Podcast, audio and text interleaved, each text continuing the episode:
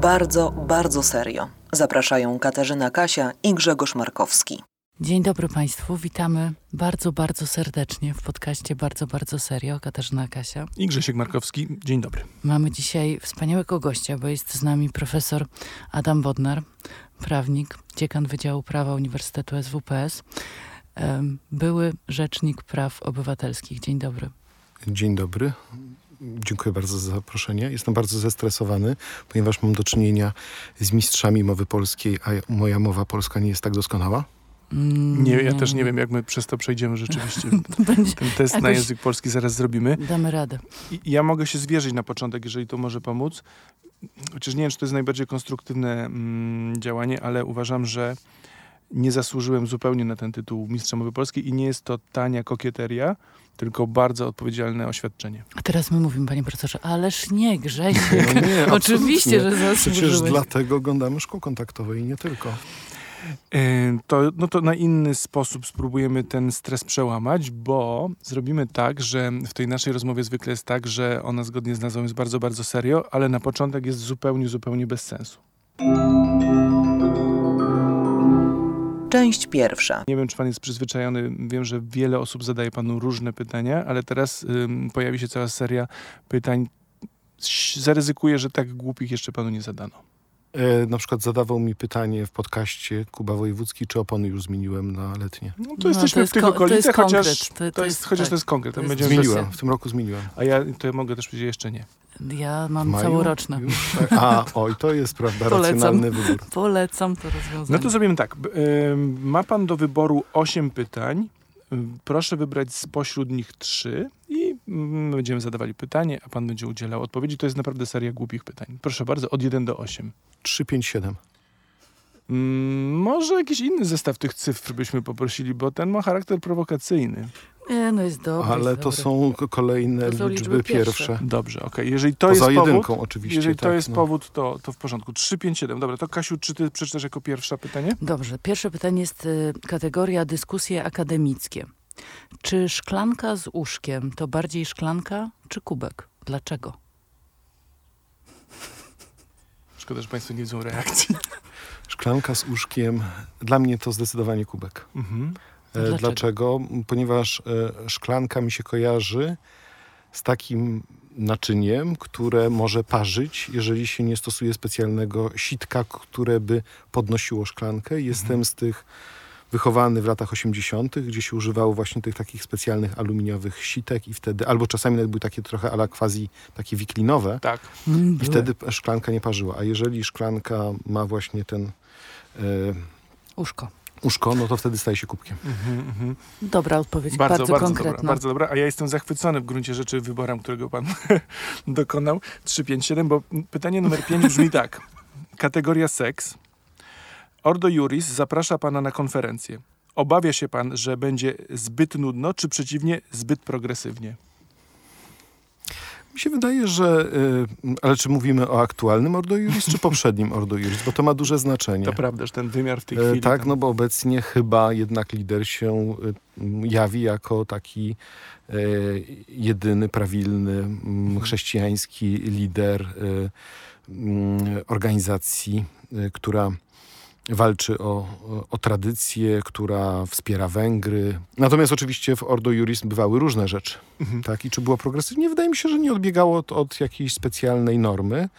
Aczkolwiek znam wiele osób, y, które się rozstawały i niestety nie znam nikogo, w odniesieniu do kogo mogłyby paść podejrzenia o używanie przemocy y, takiej męskiej w kontekście rozstawania się. Mhm.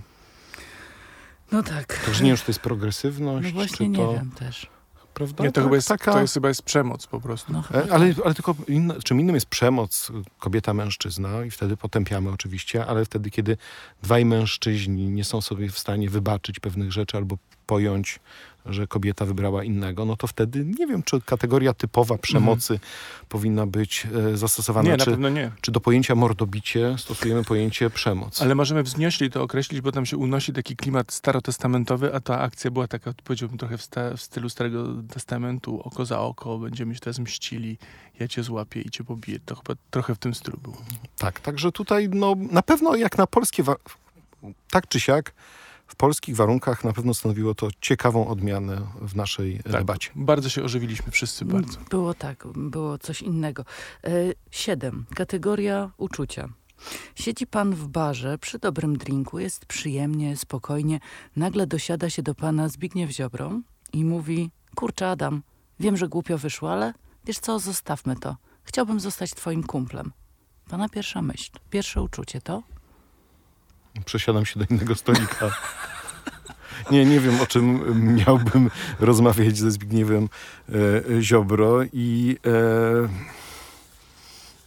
i to jest tak, za dużo krzywdy się stało Mhm. różnym ludziom z powodu działań, za dużo krzywdy się cały czas dzieje, za dużo ludzi płakało z powodu e, tego, co zrobił Ziobro i jego koledzy i koleżanki, e, żeby tak po prostu przechodzić do porządku dziennego. Ja jestem w stanie zaakceptować tego typu uczucia, tego typu podejście w stosunku do niektórych e, osób, które mogły gdzieś tam pobłądzić, ale tu było za dużo cynizmu, za dużo mm, jawnego kłamstwa, y, wykorzystywania sytuacji i także podważania tego, czym jest nasze państwo i w jak, którym kierunku nasze państwo zmierza. Wiem, że to tak bardzo poważnie brzmi, ale nie, nie. Zbigniew Ziobro zdecydowanie się przesiadam do Czy w ogóle byłby pan w stanie uwierzyć w szczerość jego intencji? Właśnie to, to samo chciałem spytać.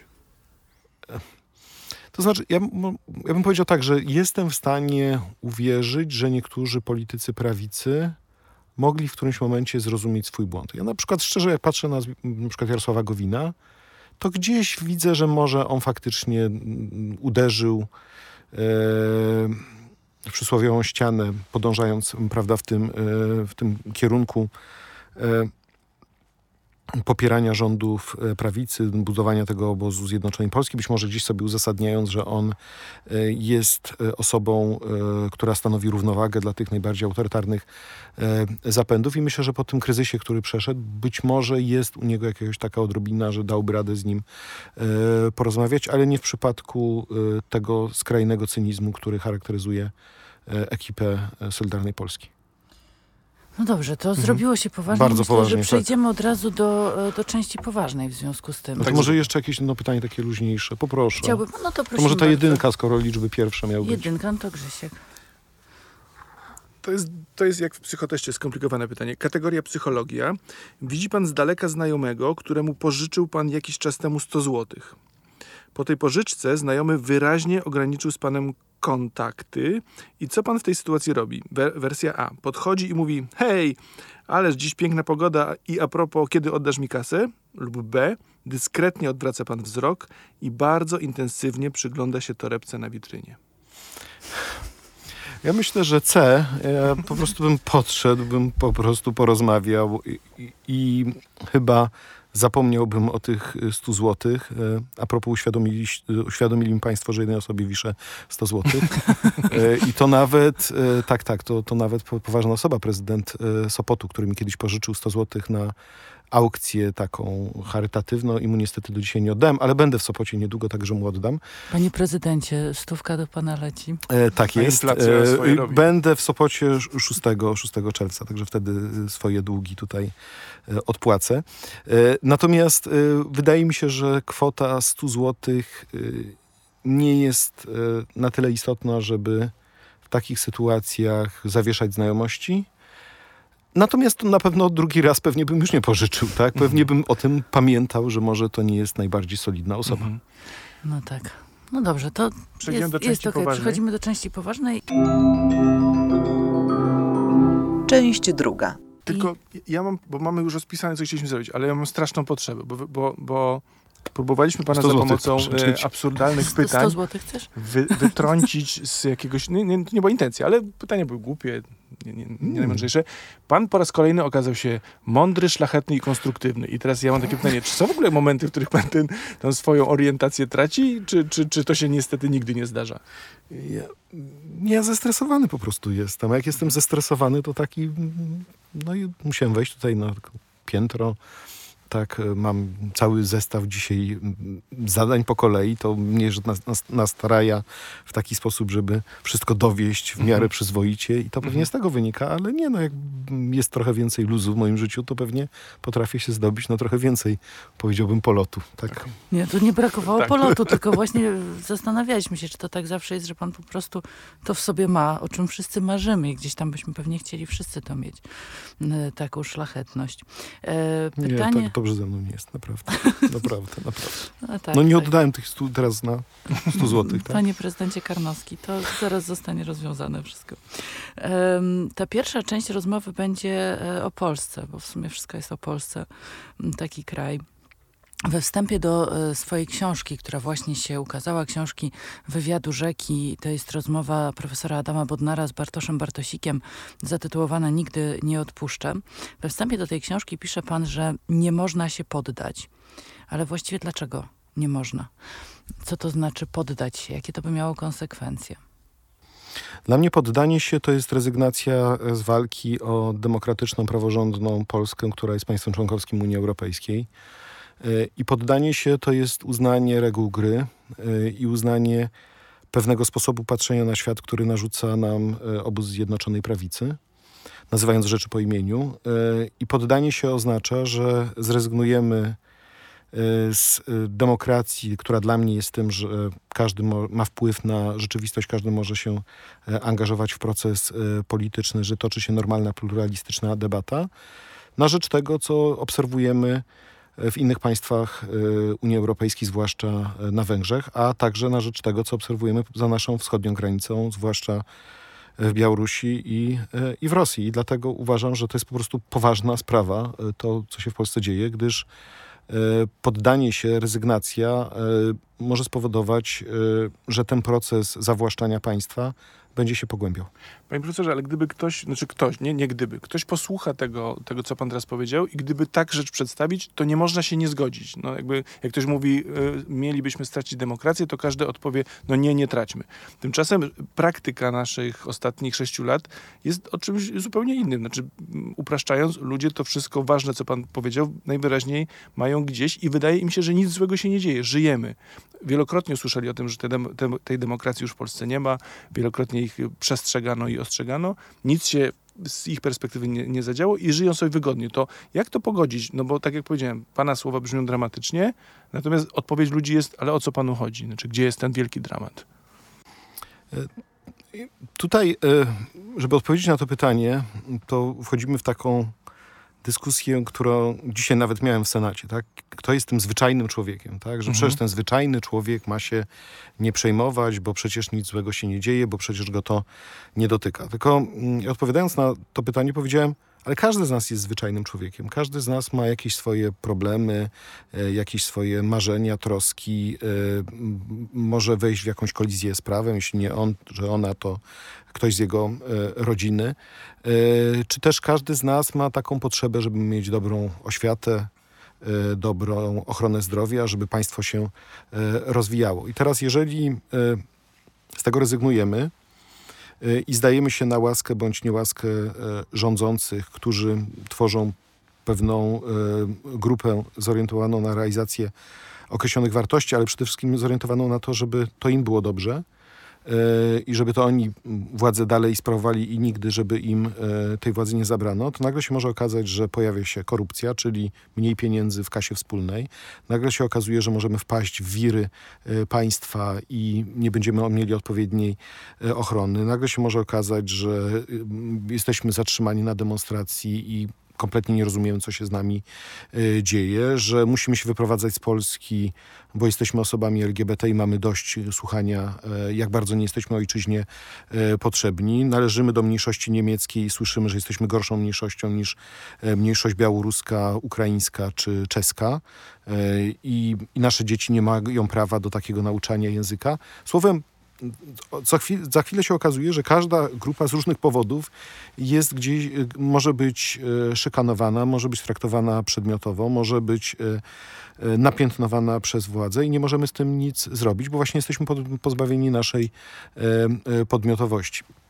Idąc dalej, no, widzi, widzimy tragedie, które się dzieją wokół nas, jak chociażby tragedia na granicy polsko-białoruskiej, czujemy się bezsilni, bo nie mamy wpływu na, na, na władzę. E, Natomiast ja zdaję sobie sprawę z tego, że to, co pewnie jak- ktoś by przyjechał do Warszawy i zobaczył na te, spojrzał na te wieżowce, na te restauracje, na e, uśmiechniętych ludzi na ulicach, to mówi, no przecież się nic złego nie dzieje, przecież miasto się pięknie, e, pięknie rozwija, tylko że to jest proces. Tak? To nie jest tak, że w jeden rok się coś e, odbywa. Jeszcze kilka lat temu moglibyśmy się spotkać normalnie w radiu publicznym, które by służyło wszystkim, a teraz tego radia nie mamy. Szukamy jakichś e, e, e, alternatyw. Wielu z waszych, e, z państwa kolegów, koleżanek już nie pracuje jako dziennikarzy. Wielu sędziów y, jest najzwyczajniej w świecie represjonowanych. Prokuratorzy, którzy wierzą w prawo, muszą się chować y, mm, albo w jakichś organizacjach, które je wspierają, albo w ogóle ze swoimi uczuciami, bo stracą pracę i nie będą mieli żadnej innej opcji dla naszego rozwoju zawodowego. Słowem, to jest proces, który się rozciąga na wiele różnych y, obszarów naszego życia i dlatego jest y, dla nas groźny, bo za chwilę się okaże, że już nie zostanie mm, żadna instytucja, żaden, e, żadna osoba pełniąca funkcję publiczną, która byłaby w pełni niezależna, która by służyła po prostu dobru No wspólnemu. tak, tylko że właśnie z jednej strony e, tego się wszyscy boimy. Pan długo był takim mm, ostatnim mohikaninem praworządności, taką ostatnią instancją, która jeszcze stawała e, w poprzek temu, co, co władza robiła. E, Pańska kadencja w bardzo dziwnych, różnych lansadach dobiegała końca. Oni bardzo długo się nie mogli dogadać, nie mogli wybrać pańskiego następcę. I w przypadku e, pana ja wiem, co to znaczy nie poddać się. Natomiast e, jak się mam nie poddać ja? Jak się ma nie poddać ktoś, kto e, po prostu, nie wiem, prowadzi firmę i stara się zapewnić jakieś takie normalne, w miarę godne życie swojej rodzinie? Co to znaczy w takim kontekście nie poddać się? Dla mnie mm, to hasło i ta postawa obywatelska oznacza, że musimy dostosować naszą odwagę do tego, co w życiu robimy i kim jesteśmy. Ja nie mam y, takiego oczekiwania w stosunku do obywateli, że każdy z nich zaraz będzie chodził na demonstracje, zakładał organizacje pozarządowe, tworzył podcasty, tworzył stacje radiowe i tak bo mamy różne talenty, mamy różne obowiązki w stosunku do bliskich, w stosunku do współpracowników, mamy przedsiębiorstwa, kancelarie, firmy i tak. Natomiast e, każdy z nas może się zastanowić, no dobrze, ale jestem tu i teraz, w tym kraju, e, we własnej ojczyźnie i mogę sobie odpowiedzieć na pytanie, jak chciałbym, żeby ona wyglądała. I tak, jeden się zaangażuje w politykę, e, drugi będzie tworzył czy wspierał jakieś organizacje społeczne, jeżeli będzie miał na to czas, trzeci pójdzie na demonstracje, czwarty będzie wspierał finansowo organizacje pozarządowe. Piąty będzie organizował w swoim domu dyskusje z przyjaciółmi o polityce, o ideach, o ważnych książkach. E, A szósty będzie na przykład się zajmował aktywizmem internetowym i szerował różne rzeczy w sieci. A jeszcze siódmy będzie po prostu subskrybował niezależną prasę. E, I każda z tych form jest równie ważna. Tak? To znaczy, najgorzej byłoby, moim zdaniem, w takiej sytuacji powiedzieć, a mnie to wszystko nie obchodzi, bo dla mnie ważniejszy jest mój nowy jacht, nowy samochód y, mm, i, mm, i nowy serial na Netflixie. Tak? Y, To też oczywiście nikomu nie mówię, że ma tego nie robić. Absolutnie każdy z nas tak lubi y, kupić sobie czasami samochód, czy, czy, jacht. czy pożeglować, tak. Może nie od razu kupować, tak, ale, ale pożeglować i spędzać wolny czas, ale dostrzeżenie, że oprócz tego jest ta sfera publiczna, i że kształt tej sfery publicznej y, zależy od nas i od naszego zaangażowania, to już jest, to już jest bardzo dużo.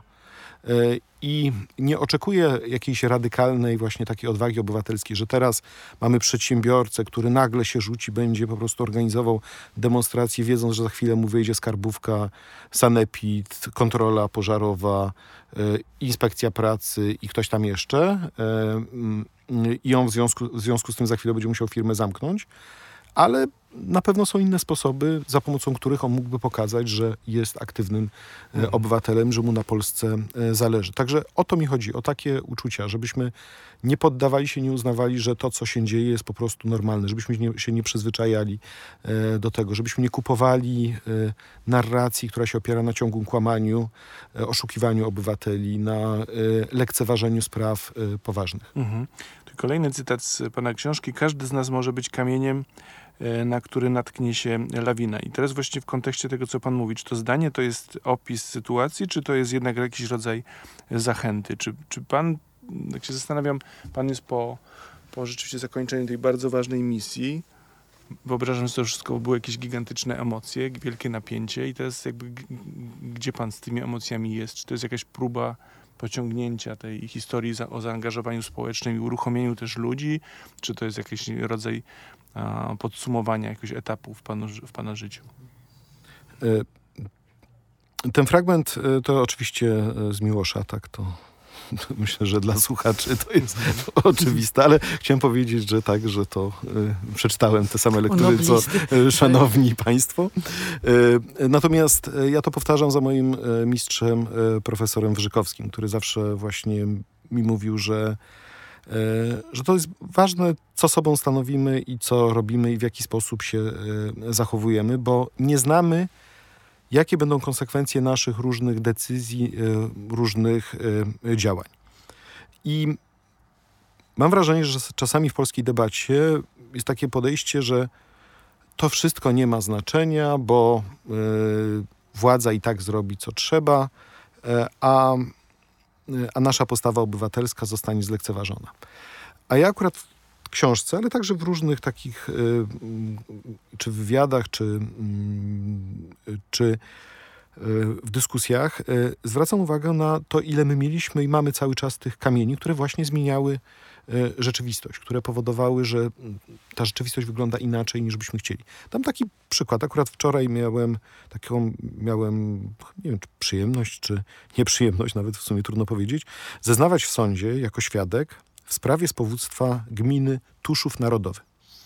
Tuszów Narodowy to jest ta gmina, która przyjęła uch- uchwałę przeciwko ideologii LGBT i oni pozwali Bartosza Staszewskiego za to, że on stawiał te tabliczki y, strefa wolna od LGBT. Te żółte tabliczki, robił zdjęcia, zdejmował tabliczkę i zrobił z tego, prawda, happening artystyczny.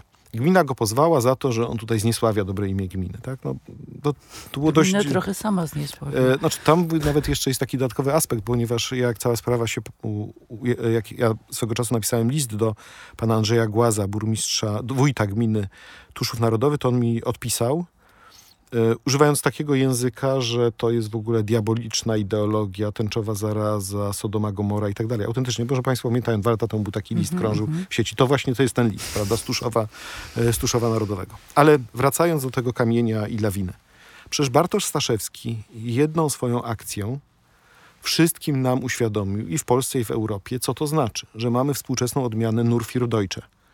E, I e, oczywiście wcześniej sprawą się zajmował Atlas Nienawiści, Biuro Rzecznika, e, kampania przeciw homofobii, cały szereg prawda, różnych osób, które w sposób taki normalny, urzędowy protestowały, mówiły, że to jest oburzające, wstrętne i tak dalej. Ale tak naprawdę ta tabliczka i ten jeden Bartosz Staszewski pokazał, na czym to polega i dlaczego to jest szkodliwe. I zmienił bieg rzeczy, tak? Sądy uchylają te uchwały, sam, samorządom większości chyba już zaczyna być głupio, albo jeżeli by się nawet chciały wycofać, to już by się wycofały, ale trochę nie bardzo wiedzą, jak to zrobić. Unia tnie e, środki finansowe, ale po tych trzech latach jesteśmy w zupełnie innym momencie. I teraz jak ja widzę, że w Polsce jednego dnia odbywają się trzy marsze równości jestem w stanie się założyć, że nawet nie są w stanie Państwo powiedzieć, w jakich miejscowościach się odbyły. Ha? Widziałam dzisiaj zdjęcia ja też nie pamiętam, teraz- marsza, Marszu Równości wczorajszego pierwszego. Gdzie to było? Właśnie w takiej mniejszej miejscowości. Bardzo piękne. Milicz? Milicz. O, właśnie, to były zdjęcia z Milicza. Drugie miejsce to było Gryfino i przejście na stronę niemiecką, a trzecie nawet nie pamiętam.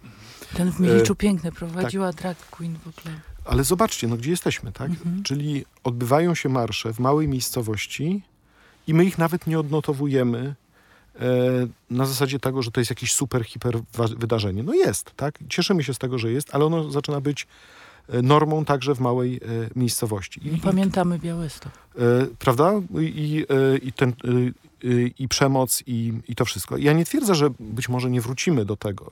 Nie twierdzę, że prawica zrezygnuje z wykorzystywania tematyki LGBT. Ja nie twierdzę, że poprawiło się jakoś znacząco e, pod względem prawnym, jeśli chodzi o prawa osób LGBT, ale jednak świadomość społeczna, e, siła ruchu osób LGBT, e, e, poparcie szerokich sojuszników, łącznie z powstańcami warszawskimi, jest zupełnie inna niż była ileś lat temu. Także mam wrażenie takie, że jeżeli ludzie się angażują, chcą, idą y, naprzód, sprzeciwiają się, to oni zmieniają rzeczywistość. I teraz To był pana pomysł na siebie?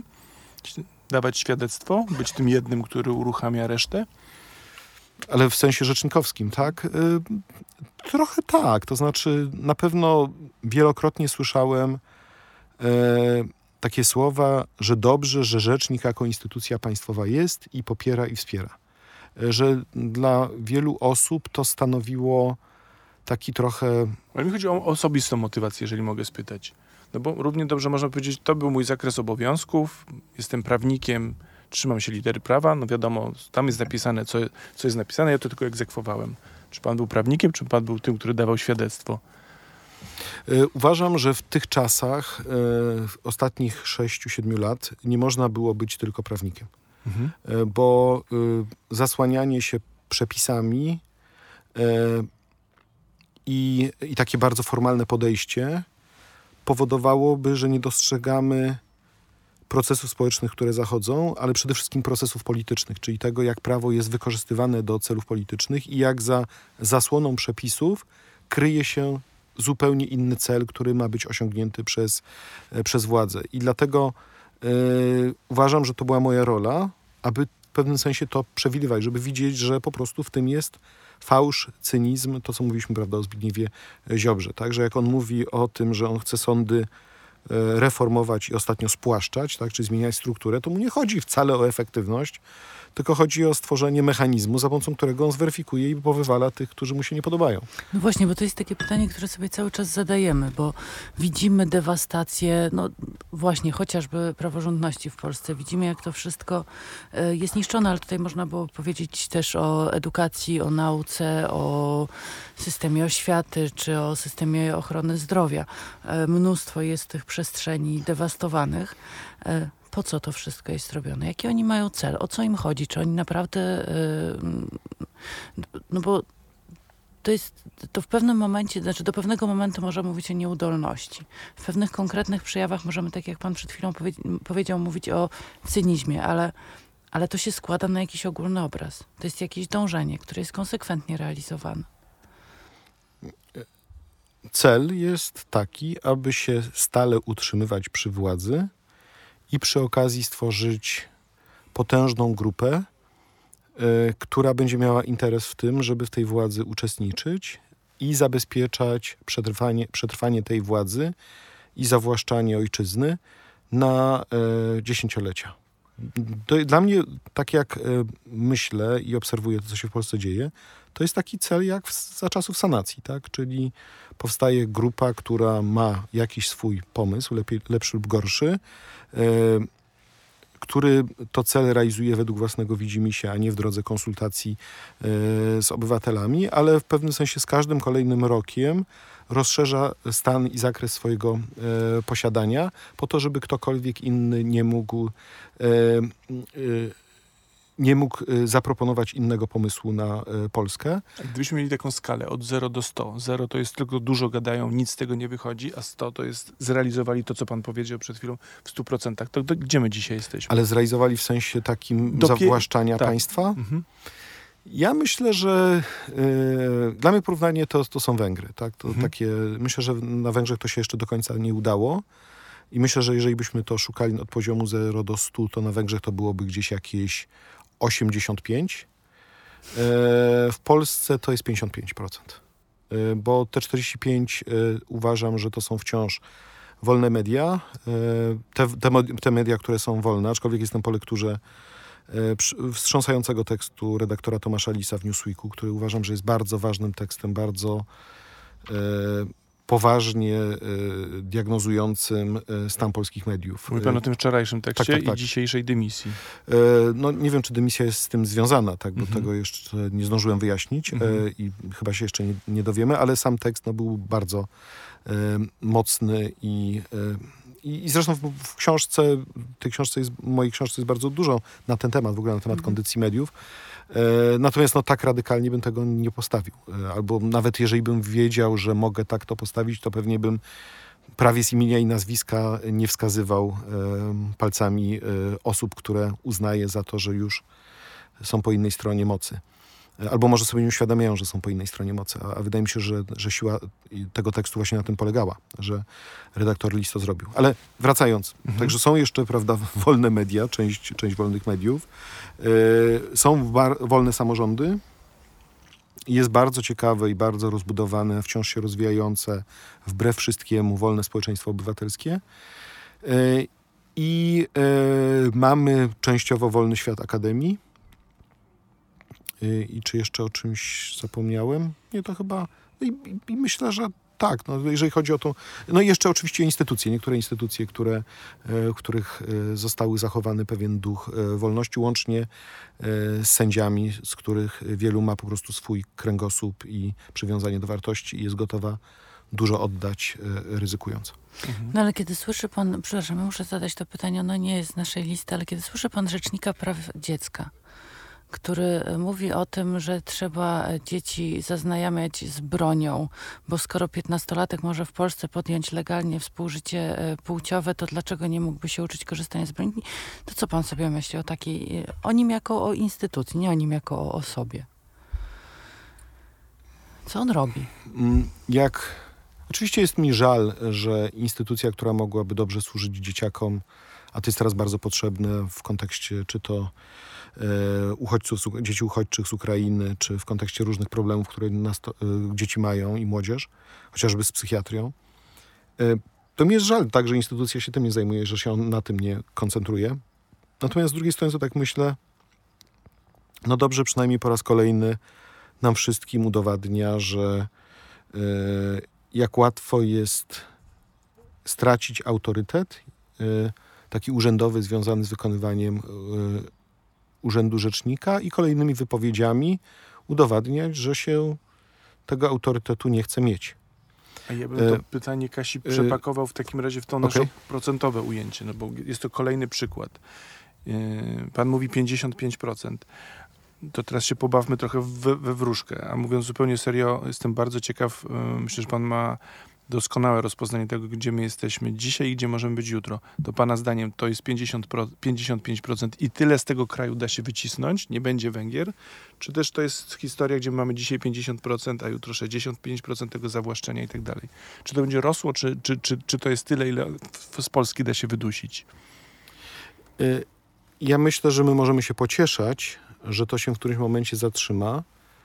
Tak jak się pocieszaliśmy 3-4 lata temu, że gdzieś, y, że przecież tak daleko, daleko, e, prze- przecież dalej nie pójdą, że przecież y, dalej nie, nie pozwolą sobie, bo będzie to przekroczenie granic. W Polsce już wszystkie możliwe granice zostały e, przekroczone. Teraz może przyszło trochę otrzeźwienie związane z tym, e, że Ukraina walczy o wolność i Putin okazał się zbrodniarzem. Y, I, I ta sytuacja geopolityczna gdzieś myślę, że może trochę sytuację y, stabilizuje, ale na przykład ja uważam, że jeżeli by doszło do kolejnych wyborów, które, zostaną, które byłyby wygrane przez Prawo i Sprawiedliwość, czy obóz Zjednoczonej Prawicy, to nastąpi absolutne rozprawienie się z sędziami niezależnymi, absolutnie kolejna reforma prokuratury i wywalenie e, tych wszystkich prokuratorów, którzy się jeszcze sprzeciwiają, e, domknięcie, mm, może nawet nie domknięcie, ale po prostu dalsze kontynuowanie działań przez e, służby specjalne i na pewno domknięcie sytuacji z mediami.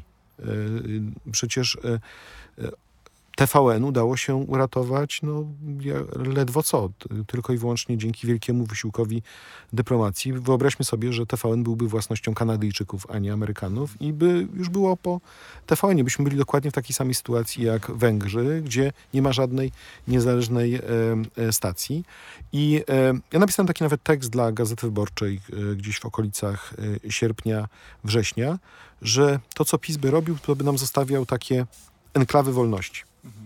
E, Pamiętam jedną taką historię, którą mi opowiadał profesor Andras Szajo, e, wybitny konstytucjonalista z Węgier, który mi opowiadał o tym, na czym polega stosowanie enklaw wolności w państwach e, autorytarnych, czy raczej może półautorytarnych. On mówi tak.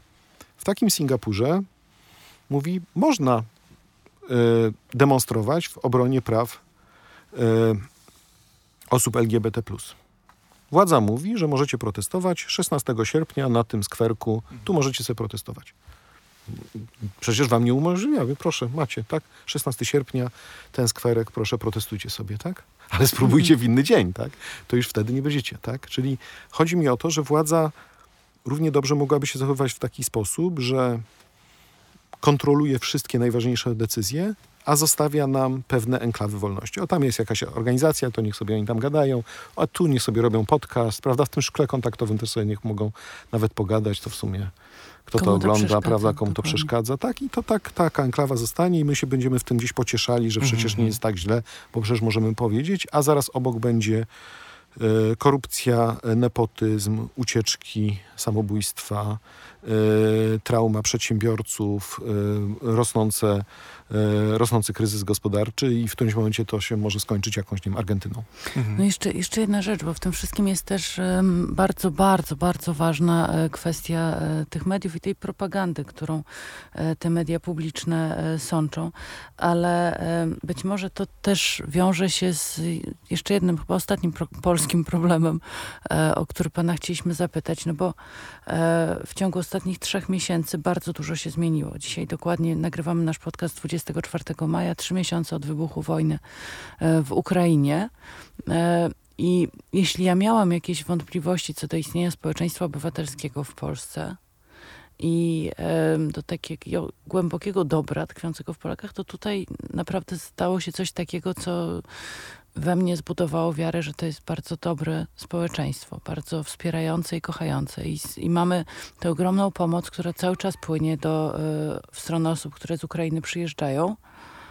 No ale z drugiej strony mamy tę białoruską granicę i jak to można ludziom zrobić w głowach, że jednym się pomaga, a przed drugimi się chronimy murem? Jak to można zrobić?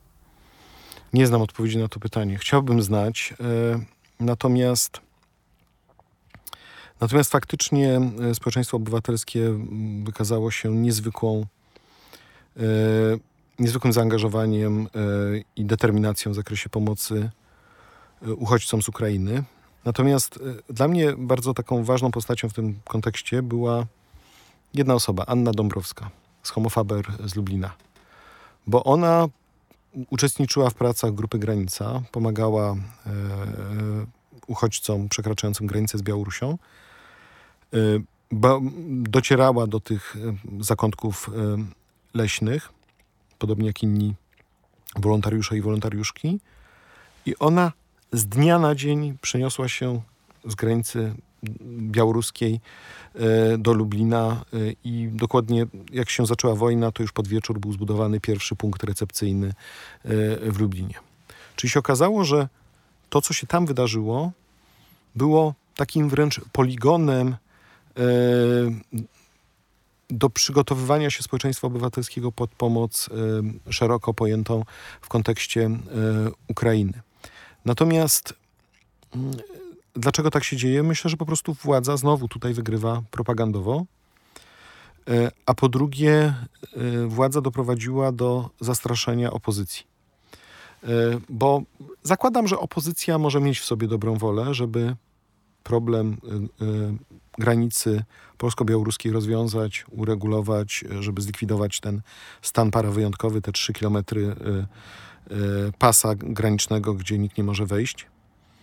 Tylko, że tak zakładam, że opozycja gdzieś myśli w takich kategoriach. No dobrze, ale jak wejdziemy w taką debatę, to zostaniemy zepchnięci na marginesy i nie będziemy w stanie w ogóle konkurować o e, odzyskanie władzy. I to jest moim zdaniem bardzo umiejętna gra, którą prowadzi e, e, Zjednoczona Prawica, że z jednej strony bazuje na jakichś, jakichś lękach, na swoich po prostu mechanizmach populistycznych, które są dokładnie zbadane pod względem socjologicznym i z drugiej próbuje sprowokować rywali do tego, żeby zaczęli się na te kwestie, e, czy o te kwestie e, e, spierać. I myślę, że z, z, tego to wynika, że, że dlatego nam trudno jest tak zbudować jakieś szersze poparcie czy zaangażowanie, ale uważam, że dobrze, że mimo wszystko nie odpuszczamy, że pojawiają się kolejne stanowiska. Ostatnio widziałem bardzo ładne stanowisko Konferencja Ambasadorów Rzeczypospolitej i miejmy nadzieję, że jednak prędzej czy później z tego,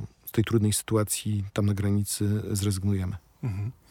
To teraz trochę zmienimy perspektywę, chociaż nie jakoś bardzo. Natomiast tak jak Kasia powiedziała, że pierwszym tematem będzie Polska, to teraz będzie tematem Adam Bodnar. E, ale jak tak patrzę, to, to coś czuję, że nie uciekniemy jakoś bardzo od tej, tej po, po polskiej perspektywy, ale za, zaczniemy e, dosyć pytaniem dosyć osobistym. Ono brzmi tak, czy żona się ucieszyła, kiedy pan przestał być tym RPO? Oj, bardzo. E, Tak, to znaczy, bo e, to nie tylko dlatego, że to koniec, ale dlatego, że to był już trudny okres, kiedy my nie znaliśmy dnia ani godziny, ile jeszcze. E, Bo ja już byłem przygotowany, że zakończę e, misję rzecznikowską gdzieś we wrześniu, no powiedzmy przedłuży się trochę w październiku 2020.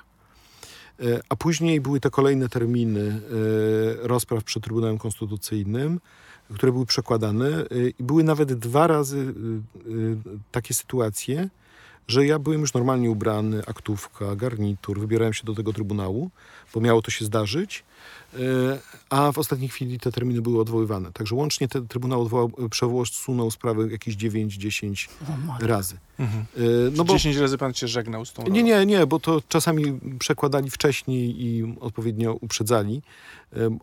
Ewidentnie nie było tam albo. Pom- ja myślę, że po pierwsze nie było najpierw pomysłu na kandydata takiego, który miałby poparcie, później były różne osoby testowane, później pewnie gdzieś była jakaś taka próba, że może jednak jak już mnie wyrzucą, to uchwalą ustawę, która gdzieś wprowadzi jakiegoś pełniącego obowiązki.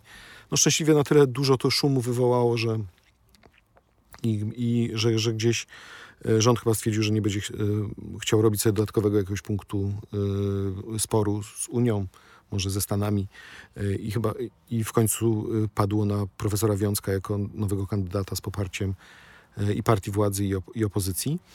E, Natomiast e, no, z tego punktu widzenia to tak, to już był oddech ulgi, tak, że, e, że koniec, że wreszcie, że tak źle jakby to nie wyglądało z punktu, no z punktu widzenia oczywiście konstytucyjnego, to, to, to orzeczenie nie miało racji bytu, no ale nie było za bardzo środka, za pomocą którego można byłoby z tym orzeczeniem walczyć.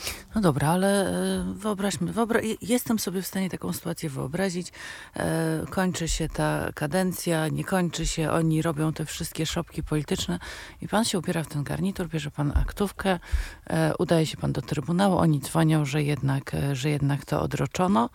E, czy pan cały czas naprawdę zachowuje spokój? Czy pan nie ma ochoty czasami po prostu się rozwrzeszczeć, rozkrzyczeć, zacząć tupać nogami, mówić brzydkie wyrazy i się po prostu wściec? Mm, Może były takie momenty, tylko że to był okres, dla, kiedy e, my mieliśmy na biegu w biurze mnóstwo spraw sądowych dotyczących praworządności, na których nam bardzo zależało, żeby one szły do przodu. E, Toczyła się wtedy ta sprawa przejęcia PKN Orlen, e, Polska Press przez PKN Orlen. Bardzo mi zależało na tym, żeby to e, dociągnąć ile się da. Także każdy tydzień był trochę z punktu widzenia tych celów, e, nie, powiem, że na wagę złota, ale był istotny. Tak? Także to, że to się przedłużało, to mm, czułem, że będę w stanie jeszcze trochę zrobić. Druga rzecz to był okres pandemii. E, My byliśmy jako urząd totalnie zaangażowani w pomoc obywatelom w czasie pandemii. To znaczy to ja, e, tak jak różne osoby mogły urząd krytykować przed pandemią, e, czy jest potrzebny obywatelom, czy nie, i tam Le- Lewacki i tak dalej nie pomaga tym zwyczajnym ludziom, prawda? Mnóstwo było taki, takich argumentów ze strony prawicy. To w momencie, kiedy w czasie pandemii w marcu, kwietniu, maju dwa- dwa- 2020 roku nam statystyki wzrosły o 40-50% i e, prawnicy e, biura, infolinia pracowały praktycznie rzecz biorąc non-stop, to wtedy człowiek ma naprawdę poczucie, że jest obywatelom potrzebny, a przecież to na tym się nie skończyło. To nie był tylko ten okres. Najpierw był okres tego wzmożenia pandemicznego e, i wszyscy myślę, że pracowaliśmy na dużych obrotach, ale wtedy też trwał ten okres walki o wybory e, prezydenckie, jak one będą wyglądały. Później była, były wakacje i trochę pandemia odpuściła. Później znowu wróciliśmy w okres e, e, pandemiczny. Cały czas w, polity, w polityce i w tej sferze praw człowieka bardzo dużo się działo i, i to wymagało ciągłego zaangażowania urzędu. Dlatego ja w pewnym sensie się nie nudziłem. Mhm. To jeszcze poszukamy wokół Ostatnia tych... rzecz, którą nawiasem mówiąc bym sobie pomyślała o profesorze Adamie Bodnarze, to, że jest to człowiek, który się nudzi. Tak, tak, nie wygląda na to. Nie. Ale pójdziemy tym tropem emocji, Okej. bo, bo tutaj znowu pan powiedział, y, może i bym y, zaklął, ale ważniejsze sprawy były na stole. Dobra. No to, to, to, to sprawdzajmy dalej. Znaleźliśmy taki cytat. Pan Łukasz Mejza mówił tak. E, Gdyby odbywał się marsz zdrady Polski, to z pewnością w pierwszym jego rzędzie mógłby iść pan Bodnar, niosąc sztandar głupoty. No i, i znowu, jak pan się czuje, jak ktoś pana oskarża o zdradę Polski, obrażenie Polaków, bycie niemieckim agentem i szerzej, jak to w ogóle jest być pan w którymś momencie był mm, poddawany stałej obróbce e, przemysłu nienawiści. Jak się z tym radzi? I drugie, chyba jeszcze ważniejsze pytanie, e, czy coś takiego można wybaczyć? Mm. Tak sobie. E, pamiętam, że kiedyś jedna z osób, która mnie obrabiała tak dość mocno, to był Patryk Jaki. O tak. A na przykład w tej książce jest dość duży fragment na temat Patryka tak. Trak- Jakiego, Gdzie pan gdzie mówi, generalnie uważam, że on jest zdolnym politykiem, e, tylko czasami po prostu popełnia błędy i idzie w takich kierunkach, które mu są do niczego niepotrzebne i stawiam taką tezę, że on gra poniżej własnej ligi. To znaczy, że na tyle się rozwinął jako polityk, e, że mógłby naprawdę kształtować swój wizerunek znacznie mocniej i lepiej e, i budzić większy szacunek ludzki niż to, co on po prostu uprawia To od czasu do czasu. pocałunek śmierci, jak pan tak pisze o Patryku. Tak, ale tu, tutaj wie w książce pan- jest. tak, To No, książce właśnie tym to, bardziej, że to jest w Nie, to myślę, że ale to, zostawmy jakiego? myśmy ten, ale y, kiedyś y, ja się oczywiście zastanawiałem, jak reagować na takie, y, takie rzeczy i y, ktoś mądry mi powiedział, no mówi, słuchaj, no powinieneś reagować, jeżeli to byłby, nie wiem, jakiś, jakaś osoba, którą naprawdę szanujesz, która jest, y, która jeżeli coś mówi, coś takiego na twój temat, y, to, to wiesz, że musisz to wziąć na poważnie, bo to jest uwaga, którą musisz do siebie przyjąć. E, W tym przypadku, mm, no, mi się wydaje, że już na tyle słyszeliśmy wszyscy różnych rzeczy na temat pana Łukasza Mejzy, że chyba nie muszę się przejmować jego e, opinią. Poza tym zakładam że, że zakładam, że on ją wyraża nawet nie dlatego, że tak czuje, Mhm. Tylko po prostu dlatego, że chce gdzieś tam zapunktować i że to nie jest jego osobisty sąd, tylko że e, po prostu jest to związane z pewną grą, w której e, uczestniczymy e, wszyscy, mm, może nie wszyscy, ale którym, którym akurat politycy muszą uczestniczyć, żeby zapunktować. No że, dobra, jest- ale pan... że nie ja jestem adresatem tych słów, Mhm. tylko adresatem są ludzie, którzy, e, k- który, e, o których sympatię on gdzieś zabiega. Mhm. No tak, ale y, Łukasz Mejca coś takiego mówi, to jest cytowane przez pisma w stylu sieci, Gazeta Polska do rzeczy i tak dalej. Tam się potem wylewa po prostu lawina komentarzy i, i jest pan odsądzany od czci i wiary jak mało kto, naprawdę. To może z Donaldem Tuskiem mógłby się pan tutaj pościgać, ale na, był taki czas, kiedy pan był zdecydowanym liderem. E, I z drugiej strony pełni pan funkcję rzecznika praw obywatelskich, czyli ma pan służyć obywatelom. Czy to pana przypadkiem nie zniechęcało? To znaczy, jakby, czy, czy, czy widział pan te relacje, że ci obywatele, którym pan ma służyć i służył pan Służy z pełnym zaangażowaniem, jadą po panu po prostu bez trzymanki? Mm, oczywiście, że przeszkadzało. To znaczy, nie byłbym sobą, nie byłbym człowiekiem, gdybym nie powiedział, że e, m, hejt, czy mowa nienawiści, czy, czy jakieś maile, prawda, które e, się dostaje, to po mnie absolutnie spływa e, i nie robi na mnie wrażenia. To jak pan to przepakował? Znaczy, Pierwsza rzecz jest taka, że, mm, że jak były groźby karalne, to zdarzało się, że składałem zawiadomienie do prokuratury Także to, ale to jak były groźby karalne, takie musiały być naprawdę takie bardzo wprost, prawda? To, to to robiłem. Uważam, że takich rzeczy, nawet jak się pełni funkcje publiczne, nie można odpuszczać, bo to jest po prostu niebezpieczne, jak to się odpuszcza. E, Co do innych rzeczy, zdarzało się, że czasami, jak miałem więcej czasu, to wchodziłem w polemikę, ale to nie taką na zasadzie takiej, żeby na Twitterze, bo to nie ma sensu, e, bo e, wchodzenie w polemikę na Twitterze nakręca tylko i wyłącznie kolejne komentarze. E, Ale jeżeli ktoś na przykład kierował do mnie wiadomość bezpośrednią na Facebooku, to zdarzało mi się odpowiadać, tłumaczyć, albo być nawet takim trochę aż za bardzo grzecznym w stosunku do tej osoby, żeby Działało? taką osobę. Czasami działało, tak. Bywało tak, że niektóre osoby może nie tyle zaraz gdzieś rezygnowały, ale gdzieś widziały, że jest żywy człowiek po drugiej stronie i że ta osoba reaguje. Trzecia metoda to jest oczywiście gdzieś zgłaszanie tych komentarzy, żeby tego po prostu było mniej i żeby to nie było y, dalej szerowane. E, A czwarta to jest taka, że jak są takie metody szczególnego napięcia związane z jakimś, czy to wystąpieniem, czy, czy działaniem, to po prostu w takich sytuacjach się nie czyta. Tak? To znaczy wierzy się głęboko w to, co się robi, wierzy, że to, się, to jest słuszne i po prostu na te dni zamyka się komputer i się tego nie czyta, bo by człowiek zwariował, gdyby to e, czytał i się tym, e, e, tym przejmował. Także, a jeszcze jedna rzecz, że w Polsce, moim zdaniem, to zupełnie inaczej wyglądało w latach 2015-17, kiedy moim zdaniem ten trolling był wręcz zinstytucjonalizowany. Nie wiem, tego nie dowiemy się pewnie, ale myślę, że gdzieś może pośrednio mógł być nawet opłacany przez e, państwo. A później, kiedy same media społecznościowe nauczyły się e, lepiej to kontrolować i stosować filtry i mechanizmy zgłoszeniowe. To znaczy, e, Pamiętam, był, był nawet taki kiedyś Twitterowicz Smog05, tak? To on był bardzo taki aktywny i bardzo tak naprawdę. e, On był takim jednym z tych rycerzy, który pobudzał innych do, do walki. W którymś momencie go- zidentyfikowano. On chyba odpowiadał nawet, y, nie wiem czy karnie, czy cywilnoprawnie za, e, za ten swój hejt.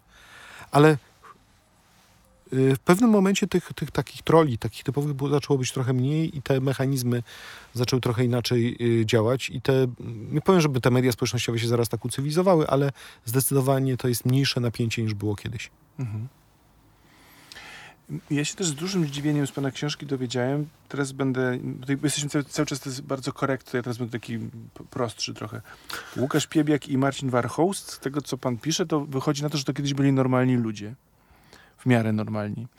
I opisuje pan przemianę, która się właściwie na pana oczach dokonała. Od, od reprezentowania przynajmniej jakiegoś obiektywizmu wpisanego w, w praworządność do stanięcia po stronie, po stronie władzy. I, i no straszne taką pokusę, żeby jednak pana mm, w takie klimaty testów na, na psychologicznych z, z, z tygodników dla, z krzyżówkami wciągnąć. Jak to się dzieje, że taka przemiana duszy się dokonuje? Bo mnie naprawdę to strasznie ciekawi. Jak pan patrzył na ludzi, znał ich pan i nagle ten ktoś się staje kimś innym. Jak sobie pan to wyjaśnia? Mm, To znaczy faktycznie y, Marcina Warchoła to znam od lat, y, bo pracowaliśmy na tym samym uniwersytecie, nieraz mieliśmy y, kontakt. Ja pracowałem w Fundacji Helsińskiej, on był wtedy w biurze rzecznika, trochę doradzał ruchowi Palikota, żeby było ciekawiej i, y, i, y, i chodził na różne komisje y, sejmowe. Natomiast jak trafiłem do urzędu rzecznika, to on był faktycznie wtedy w randze głównego specjalisty w zespole prawa karnego i nawet pamiętam, że jedną z pierwszych spraw, które robiliśmy, to była sprawa kibica Legii Macieja Dobrowolskiego, e, któremu staraliśmy się pomóc i wyciągnąć go z aresztu. Zresztą z dobrym skutkiem, nawet mam takie zdjęcie, jak Maciej Dobrowolski przyszedł do biura, siedzimy i jest Marcin Warchoł i jacyś koledzy kibice i Marcin e, e, i Maciej Dobrowolski i robimy całą taką w ogóle listę rzeczy, które są do zrobienia, jak ograniczyć stosowanie tymczasowego aresztowania. Po czym Marcin Warchoł idzie do ministerstwa i nie dość, że ni- nic z tej listy nie zrealizował, to jeszcze te zmiany legislacyjne, które wprowadził, e, no, po prostu powiększyły zakres stosowania tymczasowego aresztowania, ale to i byłby najmniejszy jego grzech. To znaczy, to myślę, że tych, e, to e, rozmontowywanie wymiaru sprawiedliwości to jest, to jest poważna rzecz, tak? I to, że mm, do dzisiaj w tym, w tym się zajmuje de facto i wspiera ministra Ziobro. E, Zaraz wrócę, jeszcze, tylko dopowiem o Łukaszu Piebiaku, bo e, ja go pamiętam jeszcze z czasów, fundacji, jak Fundacja Helsińska współpracowała z Justicją i on był jednym z takich zaangażowanych sędziów obrony niezależności sądownictwa. E, I co więcej, jak zacząłem rzecznikować, to pod, pod koniec listopada 2015 roku mnie zaprosił jako gościa honorowego na zjazd Stowarzyszenia Sędziów Polskich Justicja w Suwałkach. To wiecie, jak teraz słyszycie pewnie Piebiak i to, że był on W Justicji. Justicji tak, to tak trochę się kłóci. No, tak? Dlatego właśnie właśnie. postanowiłem o to spytać. No i teraz oni, jeden i drugi zostali wiceministrami e, e, sprawiedliwości. Mi się wydaje, że na swój sposób oni wierzyli e, w to, że wymiar sprawiedliwości potrzebuje reformy, że trzeba go zmodyfikować. Wydaje mi się, że wierzyli też, e, zwłaszcza Marcin Warchoł, w taką siłę oddziaływania Zbigniewa Ziobro jako tego, jako tego szeryfa, który jest w stanie tym potrząsnąć. Natomiast im dalej w las, to moim zdaniem się zaczęło pojawiać e, takie uczucie, po pierwsze, przekonania o swojej wyższości, że skoro my to stanowimy, to my mamy rację i mamy władzę, ale później się pojawił resentyment. Czyli skoro nas krytykują, to znaczy, że my tym bardziej mamy rację. Czyli skoro ci sędziowie wychodzą e, gremialnie, jak ja ich oskarżam w czasie Kongresu Prawników Polskich, to znaczy, że oni mają coś na sumieniu. Czyli to ja jestem ten, który tutaj będzie te porządki. Yy, I, i myślę, że w ogóle wielu, wiele osób, wielu tych sędziów, którzy wstąpili, czy przystąpili do tej gwardii yy, trzymającej władzę, tego nowego establishmentu, myślę, że nad tym resentymentem sobie tu uzasadniali. Yy, I tym właśnie, że oni Czyli tutaj niepotrzebnie się przeprowadzają... denerwowaliście. Trzeba, trzeba było się na wszystko zgodzić, to wtedy winni Nie no, oni mieli, oni mieli frustrację i takie E, poczucie, wiesz, tak, są niedocenieni. Natomiast oczywiście przerażające jest to, co później wychodzi z tych y, komunikatorów, to co ujawnia pani Mhm. Małgorzata Gałczyńska, czyli te uczucia antysemic, e, antysemickie, homofobiczne, to po prostu jakieś takie zakleszczenie w tych swoich emocjach, taka e, po prostu wręcz e, taka wręcz gangsterka, tak? Taka na zasadzie my tutaj teraz wam wszystkim, e, prawda, pokażemy, bo to już nawet nie, e, ale myślę, że to też jest spowodowane trochę tym poczuciem misji powiązanym z resentymentem na zasadzie, co my się tu będziemy jakichś autorytetów e, słuchali, kiedy to my przecież wiemy i historia. I myślę, że gdzieś pojawi się jakiś taki aspekt historyczny. Myślę, że to samo jest u Jarosława Kaczyńskiego. To znaczy nie patrzmy na to, co się teraz dzieje, bo tam, prawda, kiedy drwa rąbią, to No, to tak. e, lecą drzazgi, tak? tak? Wióry. Wióry, wióry, o właśnie, no, mistrzowie mowy polskiej. E, Ja nie, ja to nie. e, Tylko Grzesiek. tylko, ale to wszystko przed panią. No tak. Pani profesor. Y, y, I myślę, że, że patrzenie na to z perspektywy, a jak ktoś spojrzy z perspektywy tam dziesięcioleci, to zobaczy, a jednak trzeba było tego poważnego wstrząsu, żeby ten wymiar sprawiedliwości zreformować, albo żeby Polskę postawić na nowe tory, albo żeby odzysk- odzyskać podmiotowość na arenie międzynarodowej, albo żeby zrozumieli wreszcie, że my to jesteśmy jedyni, którzy mają właściwe podejście do Rosji, prawda? I tak dalej. Tylko pan tak jednocześnie bardzo często w naszej rozmowie wracało słowo cynizm i, i no, tego się nie da zespolić, bo tu mówimy o jakichś szlachetnych, y, wielkich, wysokich celach, z drugiej strony o, o cynicznej grze o, o władzę, więc no, rozumiem, że to też jest ten paradoks, że obie te em, myśli, uczucia i motywacje występują w głowie jednocześnie. Ja myślę, że, on, że możemy mieć różne podejście w zależności od tego, o kim mówimy w obozie władzy. E, Bo e, wydaje mi się, że jest całkiem sporo osób z tego obozu, która głęboko wierzy w to, co się dzieje i gdzieś e, sobie wewnętrznie uzasadnia, że właśnie chodzi o jakiś większy cel, który ma jest do osiągnięcia w ciągu wielu lat, a, a tak naprawdę to wszystko, co się dzieje ze strony opozycji, e, czy Unii Europejskiej, czy organizacji międzynarodowych, to jest tylko i wyłącznie takie zwyczajne, normalne pochukiwanie i to trzeba po prostu znieść, tak? E, A myślę, że dla części osób to jest po prostu czysto, nie chodzi o żadną ideę, tylko chodzi o to, żeby właśnie mieć władzę samą w sobie jako siłę e, oddziaływania na innych. A którzy są groźniejsi? E, Wydaje mi się, że jedni i drudzy są groźni. Mm, e, Natomiast, e, bo e- efekt, czy w jednym, czy w drugim przypadku jest taki, że i tak się niszczy podmiotowość, godność ludzką i, i zapomina o drugim człowieku i o tym, żeby zmiany osiągać w sposób zrównoważony dojrzały, przemyślany i z udziałem społeczeństwa, a nie przeciwko społeczeństwu. Przypomniał mi się Fraser i Złota Gałąź. On tam pisze, że więcej szkody e, wyrządzili światu idioci niż inteligentne kanalie, bo tam ci przynajmniej mieli jakąś, jakieś pojęcie o konsekwencjach. Nawet jeżeli planowali zło, to przynajmniej to zło było jakoś tam ograniczone przez ten, e, przez ten plan. Gorzej jest, jak się wszystko wymyka z, pod kontroli. Mm, ale mm, czy pan ma kiedykolwiek mm, takie poczucie, dobra, teraz wszystko rozwalają. Po prostu właśnie wióry lecą i te wióry niestety lecą z indywidualnych ludzkich losów, bo tak naprawdę to, to jest ten, ta materia, w której ta cała, to całe zniszczenie się dokonuje. Ale przyjdzie taki moment i wtedy Adam Wodner sobie siada w fotelu i myśli, kiedy to się wszystko odwróci i oni poniosą karę. Myśli pan o tym karaniu? E, nie. To Ja- znaczy... Jest taki komentarz sportowy z boku, obserwowałem twarz, trochę taki malutki uśmiech przez twarz Adama Bodnara Nie, przeleciał. nie, ale to, bo e, dlaczego? To znaczy, mm, wiem, że u wielu osób, które walczą o chociażby praworządność, jest takie głębokie uczucie, że kara musi, e, musi mieć miejsce i że trzeba dokonać swoistego rozliczenia, bardziej rozliczenia niż rewanżu.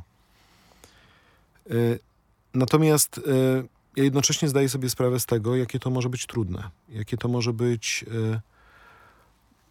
potwornie skomplikowane, żeby zrobić to w sposób y, przemyślany, dojrzały, y, tak żeby z jednej strony naprawić y, y, rzeczywistość, a z drugiej y, postawić to wszystko na y, nowych torach. Jeżeli się uśmiechałem, to raczej chodziło mi o, o coś takiego, że my nie możemy sobie pozwolić na zrezygnowanie z jakiejkolwiek odpowiedzialności, bo to by pokazywało niedojrzałość całego systemu. Czyli przykładowo, jeżeli dojdzie do takiego momentu, że będzie można uruchomić Trybunał Stanu czy prokuratora, to nie może być żadnej czarnej e, linii, prawda, grubej kreski i tak dalej, tylko to trzeba zrobić po prostu, bo konstytucja i nasza odpowiedzialność w stosunku do prawa tego wymaga. Po prostu dla zasad, dla zwyczajnego respektowania zasad to trzeba e, zrobić, ale nie na zasadzie takiej, żeby przyskrzynić i prawda, jak tego e, i mm, i żeby konkretną osobę rozliczyć i konkretnie taką, a nie inną, tylko żeby po prostu wszystkie sprawy wyjaśnić e, do cna. Ale teraz jak myślimy o tym, o tym karaniu, to przyszła mi do głowy ostatnio jedna taka, taka myśl, nigdy się jeszcze z tym, tym nie dzieliłem. E, Nie wiem, czy Państwo zauważyli, że e, mamy ostatnio tych dwóch sędziów, którzy stali się tymi sędziami ujawniającymi e, te materiały z tej grupy hejterskiej z Ministerstwa Sprawiedliwości.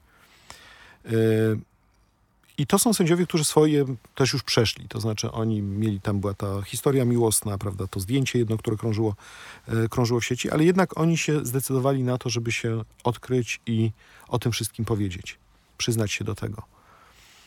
I, powstaje pytanie, czy to też nie jest jakaś forma rozliczenia się. To znaczy, okej, odsłaniam się, opowiadam, przyznaję się do winy i proszę o, w pewnym sensie proszę o wybaczenie. To znaczy, ze względu na to, że mówię wszystko jak było po kolei, ujawniam to, to mówię, drogie społeczeństwo, musicie mi wybaczyć, e, bo po prostu pobłądziłem y, mm, i, mm, i jest mi z tym, z tym źle.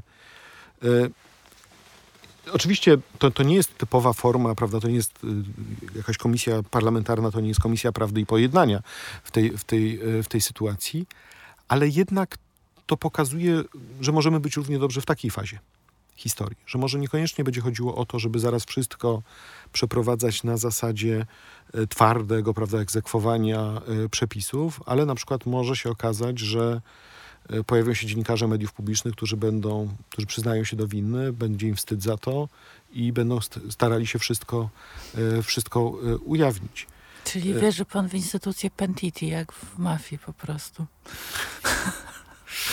No, można tak na to pojrz- spojrzeć, ale uważam, że na koniec my musimy dalej żyć ze sobą jako społeczeństwo. I teraz powstaje pytanie, jak przejdziemy przez ten okres. Czy przejdziemy za pomocą używania twardych środków e, prawnokarnych, a dobrze by było, gdyby tak się zdarzyło, czy przy użyciu Trybunału Stanu, tylko ja się niestety w polskiej rzeczywistości obawiam, że to gdzieś ugrzęźnie, e, tak jak nie wiem, ugrzęzła sprawa Grzegorza Przemyka, prawda, że cały, cały e, okres transformacji minął i musieliśmy e, poczekać na Cezarego Łazarewicza, żeby nas tu wszystkich rozsądził, tak, i, i ocenił całą sprawę a, a państwo zawiodło. Także równie dobrze może być tak, że nastąpi jakiś ten przełom polityczny i z powodu różnych gier y, y, i gierek i rozgrywek y, i blokowania tych wszystkich procedur przez jakieś osoby gdzieś wciąż zakorzenione y, i związane z dawną strukturą władzy, po prostu nie uda się to, tego wszystkiego zrobić. I być może w takich sytuacjach takie metody gdzieś pośrednie będą miały znaczenie y, publiczne. To myślę, że w tym miejscu postawimy kropkę. Zobaczymy, czy to, to pytanie o to, jak się e, ta sprawiedliwość dokona, myślę, że jest jednym z takich no, na, najgorętszych, zwłaszcza po naszej stronie. Czasami jak się o tym mówi, to się używa też słowa vendetta i wtedy się robi już w ogóle I dosyć... Pentiti, vendetta, mafia, wszystko się robi się takie dosyć gorąco. E, Ale to przed nami. Bardzo dziękujemy za, tę mm, e, za tą godzinkę, którą udało się wspólnie znaleźć.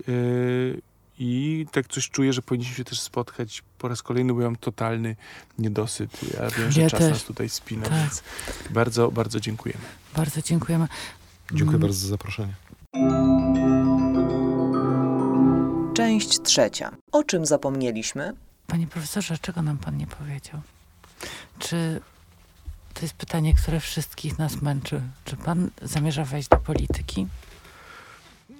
Y, Jak kiedyś mnie o to spytał redaktor Tomasz Skory i to tak mnie właśnie, w, dokładnie, w, nie wiem, pani redaktor, w tym samym stylu, że skończyliśmy audycję i on na końcu z tym pytaniem i odpowiedziałem mu wtedy na to pytanie nie wykluczam. Mhm. I, i tak w ten sposób chciałbym y, to, to zakończyć, ale w tej książce jest odpowiedź na to pytanie też. Jest bardzo konkretna odpowiedź w ostatnim rozdziale, także tutaj zachęcamy czytelników. Doczytamy. Y, Nie, je- jestem przekonany, że Państwo przeczytali, tylko mm, chodzi mi o to, żeby zachęcić y, czytelników do lektury i czytelniczki również. Adam Bodnar nigdy nie odpuści. Dla mnie to brzmi jak zapowiedź. Ja powiem więcej, panie profesorze, głosowałabym. Ach, dziękuję bardzo. Tak, dwa głosy już ma, ma pan na bank. Bardzo dziękuję jeszcze raz za rozmowę. Dziękuję.